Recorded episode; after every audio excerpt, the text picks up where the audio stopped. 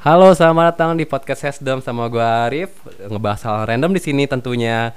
Di kesempatan kali ini gue bakal ngebahas soal nikah muda. Dan kebetulan episode kali ini gue kedatangan tamu. Dia adalah salah satu teman gue Kenalin namanya Mar, Mar hi dong. Halo semua pendengar Hesdom, uh, gua di sini diundang sama Arif, nama gua Amar. Uh, jadi gua akan meng-share seputar diri gua mengenai kehidupan gua setelah nikah muda. Oke. Kaku lu Oke, jangan ke mana-mana setelah yang satu ini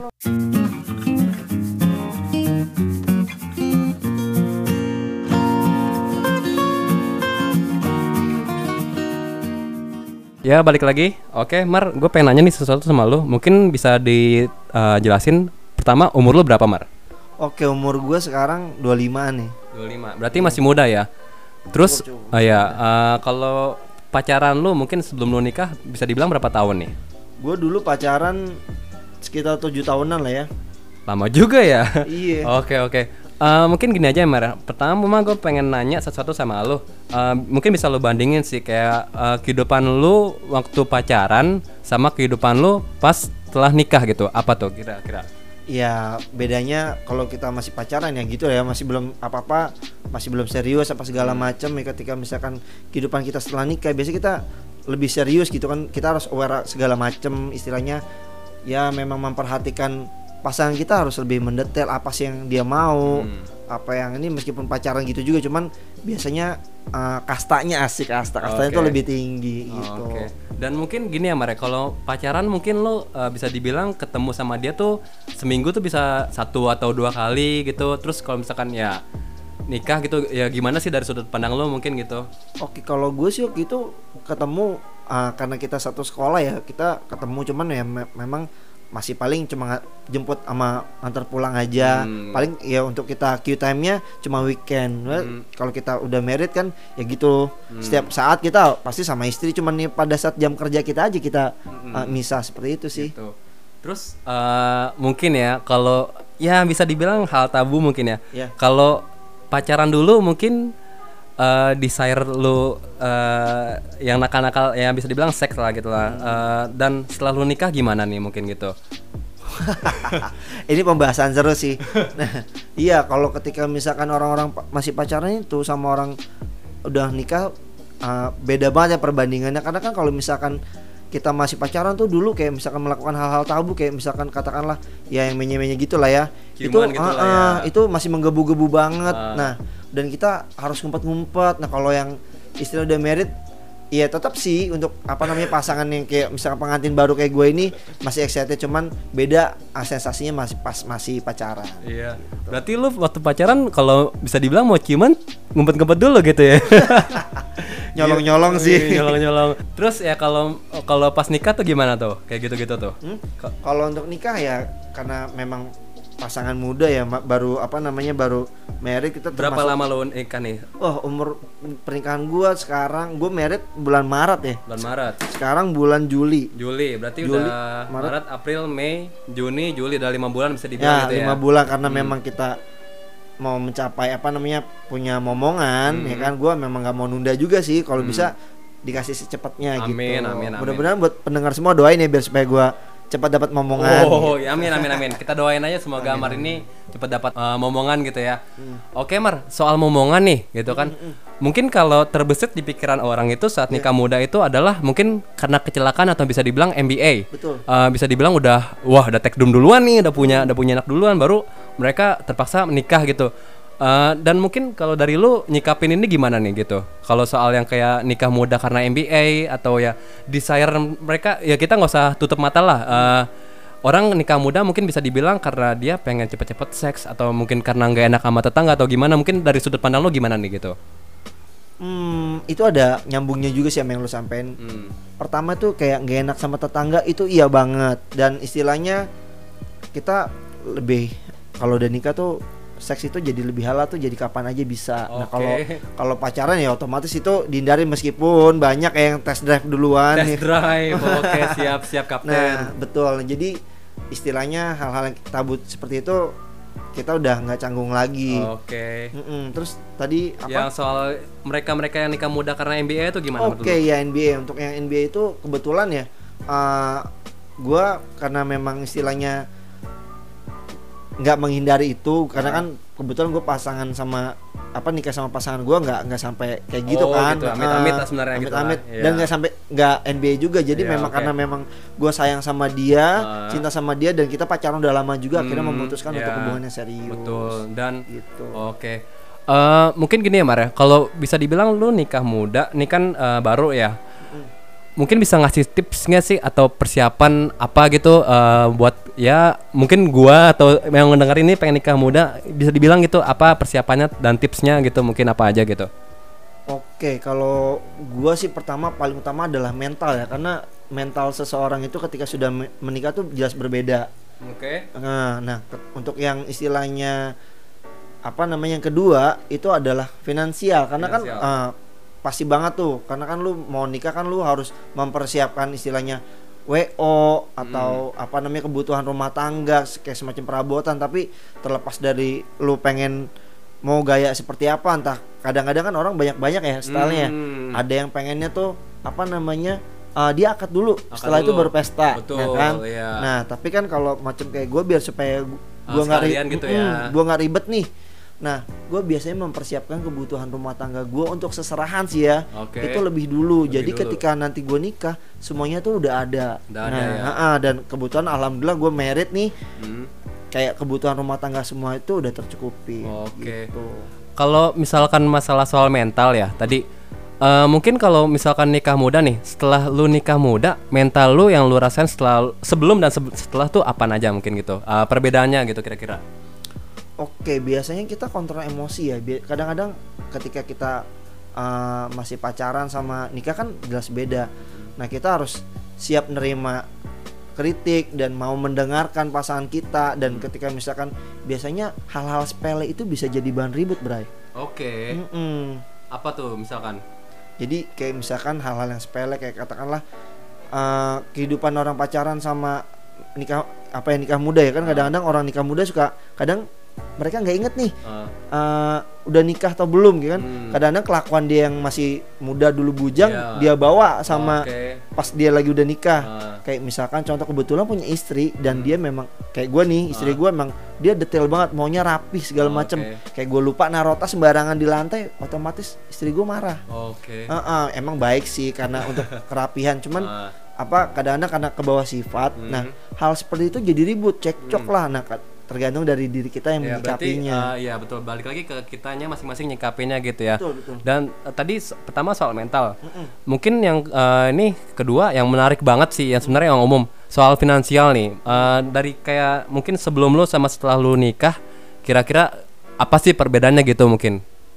Oh kalau untuk secara finansial jelas berbeda ya ketika misalkan gua masih pacaran dulu ya paling kita masih bisa hedon hedon segala macam ketika kita nikah ah uang kita tuh di, di expand tuh untuk yang kebutuhan rumah tangga segala Hmm, macam oke. nah kita juga harus persiapin istilahnya hal-hal yang memang dadakan kebutuhan istri segala macam tuh jadi tanggung jawab kita Hmm. seperti itu ya kayak misalkan sandang pangan skincare-nya itu waduh bray berasa bray Oke. Ini skincare menarik kayaknya nih. Iya. Eh, k- kalau boleh tahu nih, bocoran nih. Skincare untuk istri lu kira-kira dihabisin eh, ya berapa sebulan atau berapa gitu? Kira-kira budgetnya berapa gitu kira-kira? Hmm, gua untuk ngomong budget, gua nggak mau terlalu ria ya. Paling kebutuhannya misalkan kayak contoh aja ya, facial washnya, Aduh, gua kremnya dia, Iya, maskaranya. lipstiknya dia, maskaranya dia, Iya.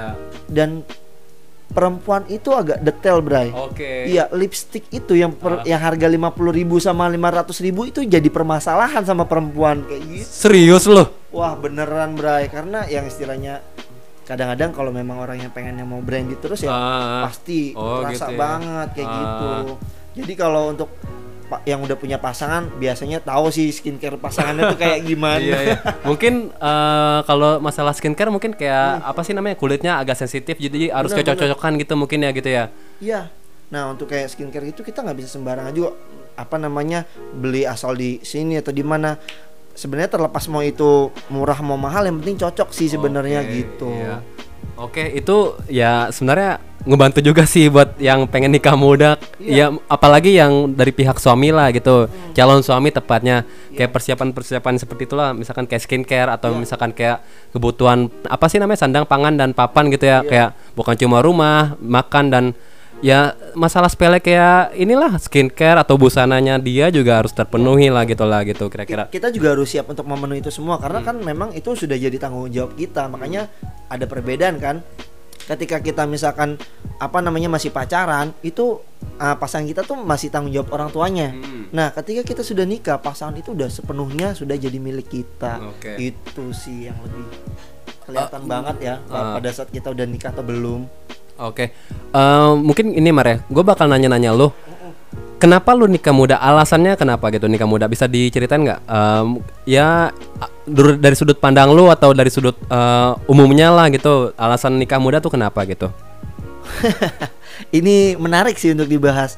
Eh, kenapa gua mau nikah muda gitu kan? Karena satu ini sedikit lucu-lucuan ya. Gua nggak mau jagain jodoh orang, Bray. Oke. Terus yang kedua, gua emang pacaran udah lama dan kita sayang ba gue sayang banget ya sama pasangan gue dan sebaliknya akhirnya kita memutuskan komitmen untuk menikah gitu. Oke.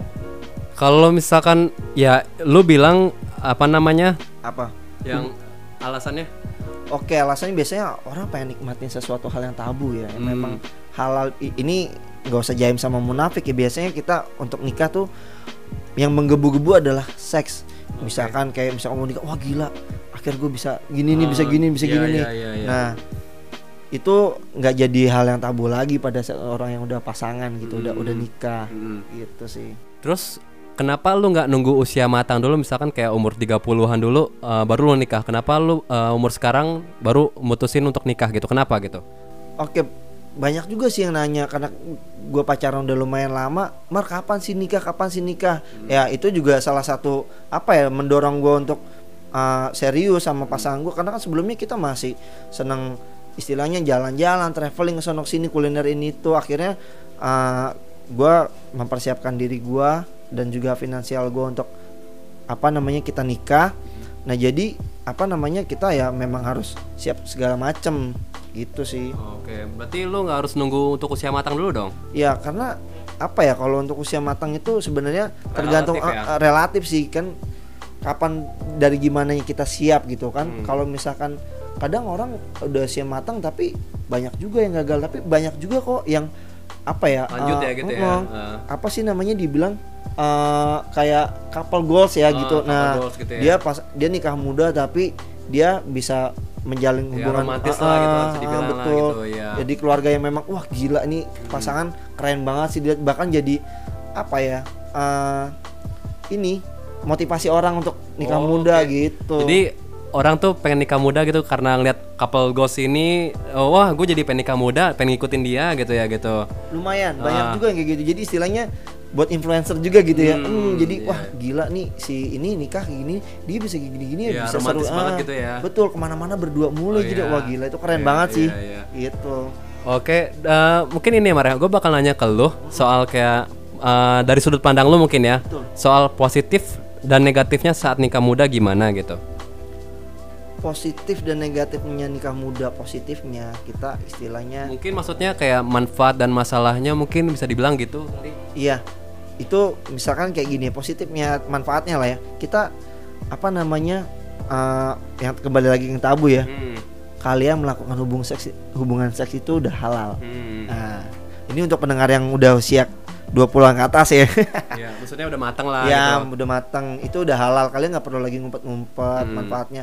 Dan juga positifnya ketika kalian nikah muda, kalian punya anak, kalian masih muda. Hmm. Jadi antara anak sama orang tua ini bisa jadi kayak temen bro. Oke, Serius. jadi jaraknya itu nggak terlalu jauh gitu ya. Bener. Jadi Ah, kita main sama anak tuh kayak jalan sama anak dikira wah sama temen atau sama iya, adik kayak ah, gitu. iya, iya. Seru kan? seru seru seru seru. Misalkan contoh kayak gue nih, Ah, gue makanya berharap ketika nanti gue punya anak mudah-mudahan cowok ya meskipun gue dapatnya nanti dikasih apa gitu Iya, sama iya. yang kuasa gue kan hobinya otomotif nih gue Oke. suka main mobil atau motor Jadi maksudnya nyambung Ah, gitu ya. Betul. Ketika gue punya anak nih, gue ada teman mainnya nih, main Ah. mobil remote control, Ah, main iya, go iya, kart, iya, seperti iya. itulah hal-hal yang Oke, bisa oke. membuat nemenin anak-anak bocah gitu, Ah. yang memang ada korelasinya sama hobi gue. Oke, dan mungkin kalau dari negatifnya apa nih kira-kira? Negatifnya ketika usia muda kadang-kadang anak-anak itu mentalnya belum siap, Hmm. ya, ketik sehingga dia belum apa ya berpikir matang untuk melakukan sesuatu. Kadang-kadang biasanya lebih kayak ucapan, tindakan mereka tuh masih labil, Bray, Hmm. karena kontrol emosinya tuh masih belum belum matang. Jadi Masih jiwa muda gitu ya. Bener, darah muda tuh masih melekat Masih banget. ngomong-ngomong gitu ya. Ah, ah, jadi istilahnya sesuatu hal yang memang tuh segala macam tuh pakai emosi. Ah. Nah, ya meskipun orang udah ada yang bisa ngontrol emosinya dengan baik dan akhirnya jadi pasangan ghost. Cuman gara-gara si emosi ini pasangan itu bisa sampai cerai gara-gara Oh. nikah muda ngerinya di situ sih cuman Amit-amit sih sebenarnya situ amit-amit sih. jangan Iya, sampai ah, gitu. Nah, makanya buat tips untuk uh, kaula muda yang mau nikah muda, kalian itu nggak perlu takut dan harus siap mental. Yang penting itu dari mana dari diri kitanya. Oke. Kalau kita memang bisa manage itu semua, maintain itu semua, baik itu kebutuhan pasangan kita dan segala macam itu harus dikomunikasikan. Oke. Nah, Jadi nggak harus dari satu arah gitu ya, harus dua Betul. arah gitu ya. Gitu. Jadi istilahnya ketika istri kita berbicara, kita harus siap mendengarkan Hmm. dan begitu juga sebaliknya ketika misalkan kita berbicara pasangan kita juga harus siap mendengarkan Oke. Jadi kalau misalkan ibarat kat, eh, lagu gitu ya, eh, kita ambil contoh lagu Naif, Wah, iya, air dan banget api gitu ya. Jadi kita nggak boleh sama-sama api. Jadi kita harus ada yang air, ada yang api. Jadi di saat apa namanya bisa dibilang saat suami marah, jadi seorang istri itu harus meredamkan amarah seorang suami. Sebaliknya begitu, kalau misalkan si istri sedang marah atau ngambek gitu ya, atau skincare-nya belum dibeliin, jadi seorang suami itu harus sebagai airnya gitu ya, gitu ya. benar-benar dan dia harus bisa ngasih penjelasan sih istilahnya kita meskipun kita ngeflow begitu aja tapi kita harus manage diri kita Hmm. emosi kita seperti apa nah kita harus tahu nih kita lagi ngomong sama siapa gitu Hmm. karena pasangan kita uh, harus kita hargain dan kita hormatin karena kalau misalkan kita bisa menjaga yang lu sampein itu ya kan Hmm. kita harus bisa meredam emosi ketika pasangan kita marah dan sebaliknya itu salah satu couple goal sih kalau menurut Hmm, gua Oke. gitu Oke Mar, mungkin ini apa namanya? Pertanyaan ini menarik ya. Ehm, yang bakal gua tanyain ke lo, mungkin bisa diceritain nggak? Atau dari sudut pandang lo, hubungan tanda kutip ya, Ya. mertua versus menantu nih gimana nih setelah lo nikah dan sebelum nikah gitu? Gimana sih? Bisa dijelasin nggak? biasanya kalau hal kayak gini terjadi ketika misalkan apa ya kayak pepatah gitu ya ketika deket itu tercium baunya ketika jauh itu tercium wanginya. Wow. nah iya jadi misalkan mungkin kalau yang misalkan deket biasanya ya Ah, kan ada dua versi nih. Ada yang memang nikah itu dia sudah tinggal sendiri terlepas dia mau ngontrak atau memang sudah punya rumah sendiri atau memang dia masih nyampur sama orang tua Hmm. ya misalkan nyampur orang tua karena alasan ya. Ko- karena memang apa namanya orang tuanya belum bisa ditinggal memang berat tinggal sama orang tua karena memang anak tunggal nah biasanya si pasangannya ini misalkan kayak contoh gua laki nih Oke. ya kan sama mertuanya tuh kita jadi gimana gitu kalau misalnya uh, nyampur sama mertua ya misalkan dari sikap kita jadi canggung atau apa Oke. tapi baiknya kita karena itu mertua itu adalah orang tua kita di Ah, rumah Orang tua itu. kedua kita lah. betul betul segala macam kita bisa nyikapinnya dengan santai sih kadang-kadang ya biasanya sih ada perbedaan paham ya antara Oke, kadang ya. mertua kan suka ikut campur nih Ah. dalam hubungan rumah tangga Ah. karena masih muda banyak protes ini ngomong ini ngomong itu dan memang nggak sesuai sama yang dimau si pasangannya Hmm. terkadang itu juga jadi ribut Oke. nah gitu Kalau misalkan sebelum lo nikah gimana tuh hubungan camer dan apa sih ini bisa dibilang calon menantu apa sih singkatannya camen ya? Ah, gua nggak tahu lah. calon mertua Camer dan camen gitu, calon Oh, iya. mertua dan calon menantu gitu. Sebelum lo nikah bisa dibilangin, bisa diceritain nggak gitu kira-kira? Iya biasanya ketika misalkan masih pacaran ya jelas lah masih ada batasan gitu kan Hmm.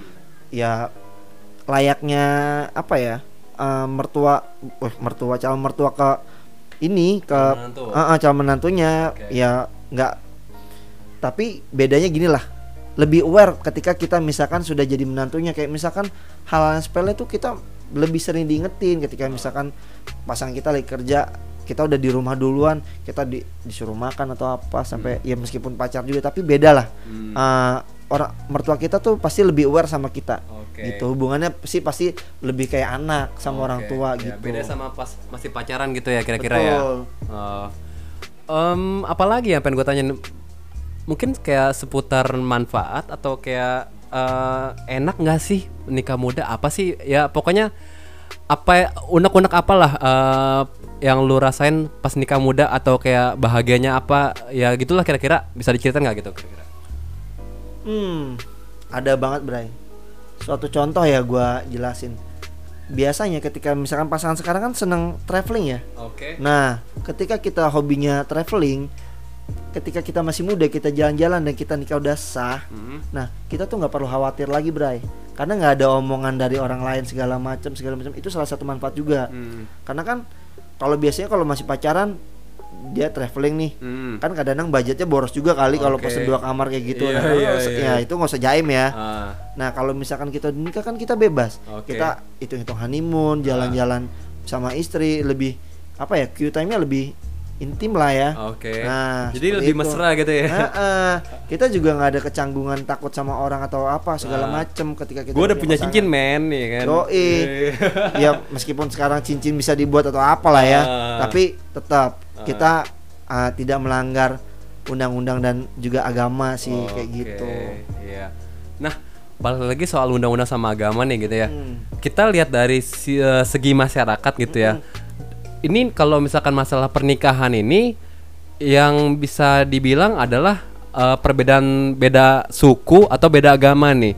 Mungkin kalau dari lu ini sendiri bisa nggak eh, apa namanya diceritain atau dijelasin gitu dari sudut pandang lu sebagai lu eh, nikah nih istri lu suku lu sukunya apa dan suku lu apa gitu? wah kalau bicara bilang gue suka apa gue bingung sih karena nyokap gue sendiri Pontianak lahirnya Oke. Pontianak dan bokap gue lahir di Tangerang Ciputat Oke, ya Betawi kan? gitu ya. Ah, bisa dibilang Betawi lah gue lahir di Jakarta Heeh. pas istri gue Hmm. ya itu dia nyokapnya Pemalang Jawa Oke. Tengah Heeh. bokapnya Pekanbaru Riau. Pekanbaru Riau. Ya, dibilang Padang lah ya. Iya, iya. Nah, seperti Nah, itu. ini kan bisa dibilang beda suku kan ya eh, antara lu dan istri lu gitu. Betul. Ada nggak sih cekcok kayak apa gitu kayak ya pernikahan beda agama mungkin kalau orang dulu eh, apa sih bisa dibilang kayak harus nikah sama agama nih harus satu aga- ah, satu, satu agama lagi Suku. Su- em, satu suku lah bisa dibilang gitu nah kalau dari lu ada nggak sih masalah-masalah kayak gitu gitu Kalau kebetulan untuk orang tua gue sendiri ya itu nggak mempermasalahkan gue perbedaan suku dan ke- sebaliknya ya orang Iya. tua pasangan gue juga nggak masalah yang mau gue orang mana dan dia orang mana.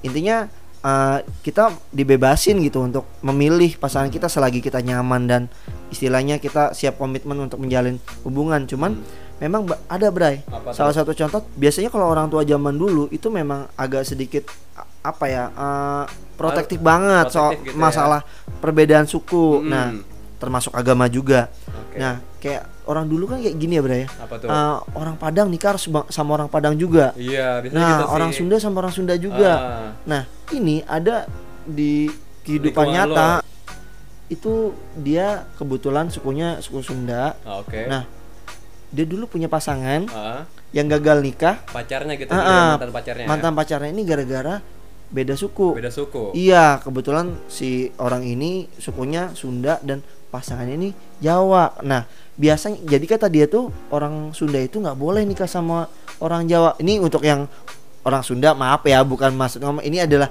kejadian nyata Kejadian yang nyatanya aja gitu ya. mungkin yang orang tua zaman dulu Hmm. biasanya masih kayak gitu. Ya, mungkin beda lah kalau orang tua zaman sekarang mungkin agak melek lah soal itu Ah, lah ah, gitu ya. Istilahnya udahlah anaknya bebas mau milih kayak apa yang penting dia nyaman, dia cocok. Hmm, hmm. bisa siap komitmen ya udah gitu Oke, kan iya. orang tua tinggal merestui dan support aja Hmm, gitu nah iya, iya. kalau ini dulu mungkin beda dia sampai gagal nikah bray gara-gara hal kayak gitu Serius loh? serius jadi ceritanya gini sih karena kan memang dilarang banget nih untuk apa namanya perbedaan suku pokoknya lo Hmm. harus ini ini ini karena apa ya protektif banget orang tuanya Iya. akhirnya karena dia menunda-menunda hal kayak gitu keduluan lah sama si pasangannya itu Maksud lu Ma- ditikung? iya maksudnya di Anjir. dilamar duluan Gila ditikung seriusan? Iya, karena kan gini uh, perempuan itu kan butuh yang pasti jadi Oke. siapa pun yang memang mau siap pasti sama dia ya kan kayaknya apa ya eh, nolak lamaran orang itu pamali juga kan ya Oke setahu ya. gua. Ini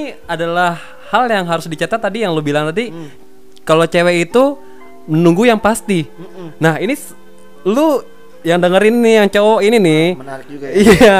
Dan lu harus paham ini, cewek itu nggak suka yang nggak enggak harus yang pasti lah pokoknya. Kalau lu mau nikahin dia, harus nikahin dia juga. Jangan Iya, kayak ntar aja deh atau misalkan eh biarin aja lah ntar juga dia balik, bakal balik lagi ke gua. Nah, ya pasti cewek ya nggak apa namanya bisa dibilang nanti ada yang ngelamar dia ya udahlah sama yang mau aja lah gitu Ya bisa dibilang. meskipun lu beracuan sama kayak gini ya apa namanya jodoh nggak ke mana ya Ah. tapi nggak bisa juga kita berdiam diri kayak gitu karena kan jodoh harus juga dikejar ya Bra ya Hmm, iya, iya, karena kan iya.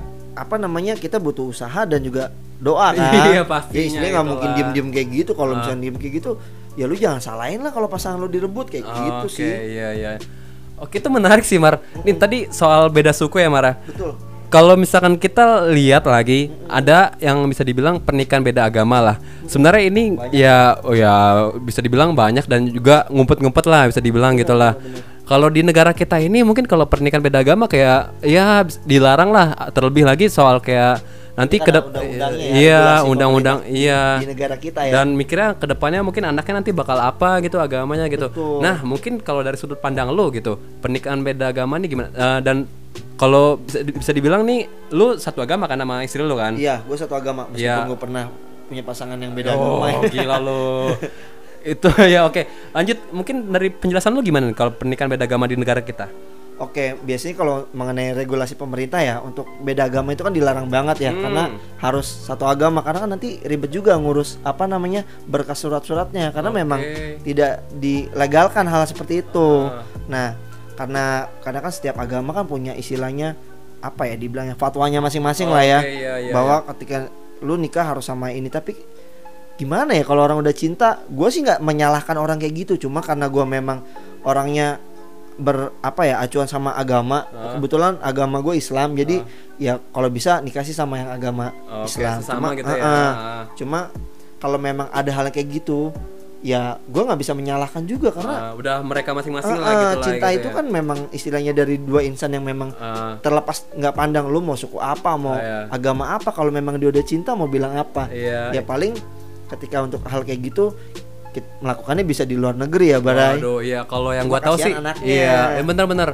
Kalau yang gua tahu sih di negara tetangga kita, misalkan Singapura lah, Iya. itu bisa dibilang ada namanya pernikahan interfaith atau pernikahan beda agama. Jadi di situ dibolehin lah gitu. Jadi ya Hmm. sebenarnya sih ini nggak disaranin sih, tapi ya kalau misalkan ya nggak usah munafik lah. Kalau misalkan kalian ada cinta ya ya bisa dibilang apa lah kalau misalkan orang tua kalian gak merestukan uh, Iya. satu sama lain ya udah itu balik lagi ke diri kalian masing-masing lah kalian harus harus melek juga nanti ke depannya anaknya bakal gimana gitu Wah Iya. benar banget tuh karena kan dilema juga ya buat si anak dia Iya, bakalan benar. seperti apa kayak misalkan contoh eh, orang tuanya bapak atau ibunya Islam ya kan yang satunya lagi Kristen ya ketika lebaran dia harus ikut lebaran Ya, sholat Idul Fitri ya. dan segala macam Ah. ketika Natal dia dia harus ikut ke gereja segala macam karena dia masih kecil nih posisinya dia belum tahu nih Ah. mana yang dia cocok menurut menurut dia eh, maksudnya paling make sense buat diri dia lah Iya, iya, iya. gue nyaman di Islam nih atau gue nyaman di Kristen nih Hmm. ya untuk negara kita sih bebas Iya, lu iya. untuk mau ngikut ke mana karena kan Ah. di negara kita mengakui lima agama kan Iya, iya, iya. terlepas itu ada Islam Ah. Kristen Buddha Katolik, Uh, sama Buddha, Hindu, Hindu Iya, juga iya. betul Iya. Ini sebenarnya bukan Sarah ya, sebenarnya uh, Ini cuma buat uh, buat pengetahuan dan knowledge aja lah gitu lah intinya lah. Iya, iya gitu. Uh, apalagi ya Maria mungkin yang dibahas ya? ya ini gue nekanin aja sih intinya Ah. Ini nggak bahasa ya karena kan kita mengakui bahwa negara kita memang ada lima agama Hmm. dan masing-masing pasti semua negara baik Hmm. Nah, dan kita juga jangan sampai mengejudge agama lain atau seperti apa pun itu kita nggak boleh, kita nggak berhak. Iya, Intinya betul. itu sih, itu Hmm. perlu di make sure banget karena kita harus jadi smart people gitu. Oke. Tuh. Smart people, smartphone gitu ya. Phone. Udah 5G ya sekarang Udah yang mau 5G menuju ya, kayak gitu iya, sekarang iya. bakalan. Ini makin ngawur ini obrolan Ngawur ini. Mentang-mentang kita itu kayaknya menjuru-menjuru ke teknologi. Mar, eh, mungkin nanti kalau misalkan ada yang pengen nanya eh, apa namanya gua, kehidupan ya, apa eh, minta saran. Iya, saran. eh, bisa kasih tahu nggak sih IG lo atau akun Twitter lo atau apa gitu? Oke buat teman-teman semua yang pengen nanya-nanya sama gua, uh, gua sangat open sekali untuk teman-teman semua bertanya ya kan. Untuk pengen kepo sama diri gua gimana, kalian bisa follow aja di ins- Instagram gua at Amar underscore Ronadio Amarnya double M ya jangan satu Oke, nanti gua cantumin sih di deskripsi. Jadi Oke. ya cewek-cewek eh, atau cowok-cowok lah gitu lah. Bisa punya istri. iya, bisa lihat lah atau nanti follow atau DM gitu nanti Oke, nanya-nanya oke, oke. sekalian gitu. Nah, eh, gimana sih kehidupan Ya, setelah nikah? share-share ya. pengalaman Iya, kehidupan gue betul, setelah nikah betul, atau betul. apa sih yang mau disiap perlu disiapin lebih mendetailnya ya kan Mm-mm. atau mungkin hanya WO atau Mm. mungkin istilahnya eh, apa ya dibilangnya Ya, Eh, foto prawe priwet yang mana yang bagus ya. gitu. Jangan sampai foto prewed lu nanti nunjuk-nunjuk awan atau nunjuk-nunjuk langit gitu. Itu udah mainstream banget udah sih. mainstream banget asli Iya. sumpah jangan deh Ya nunjuk-nunjuk gitu ya. Aduh. ya yang penting lu terkonsep Mm-mm. jelas lu mau buat kayak apa ya ya mau entah lu mau indoor atau outdoor Hmm. ya kan atau nature yang Hmm. kayak gimana lu bisa tanya-tanya ke gua lokasi yang bagus di mana kita bisa bantu Iya oke. Eh, Mar, ini thank you banget nih yang eh, lu ada datang di podcast gua kali ini Betul. gitu kan. Eh apa ya? Mungkin buat kalian yang dengerin bisa ngasih saran atau masukan di episode selanjutnya gue bakal ngebahas apa gitu ya. Eh mungkin itu aja kali ya di episode kali ini.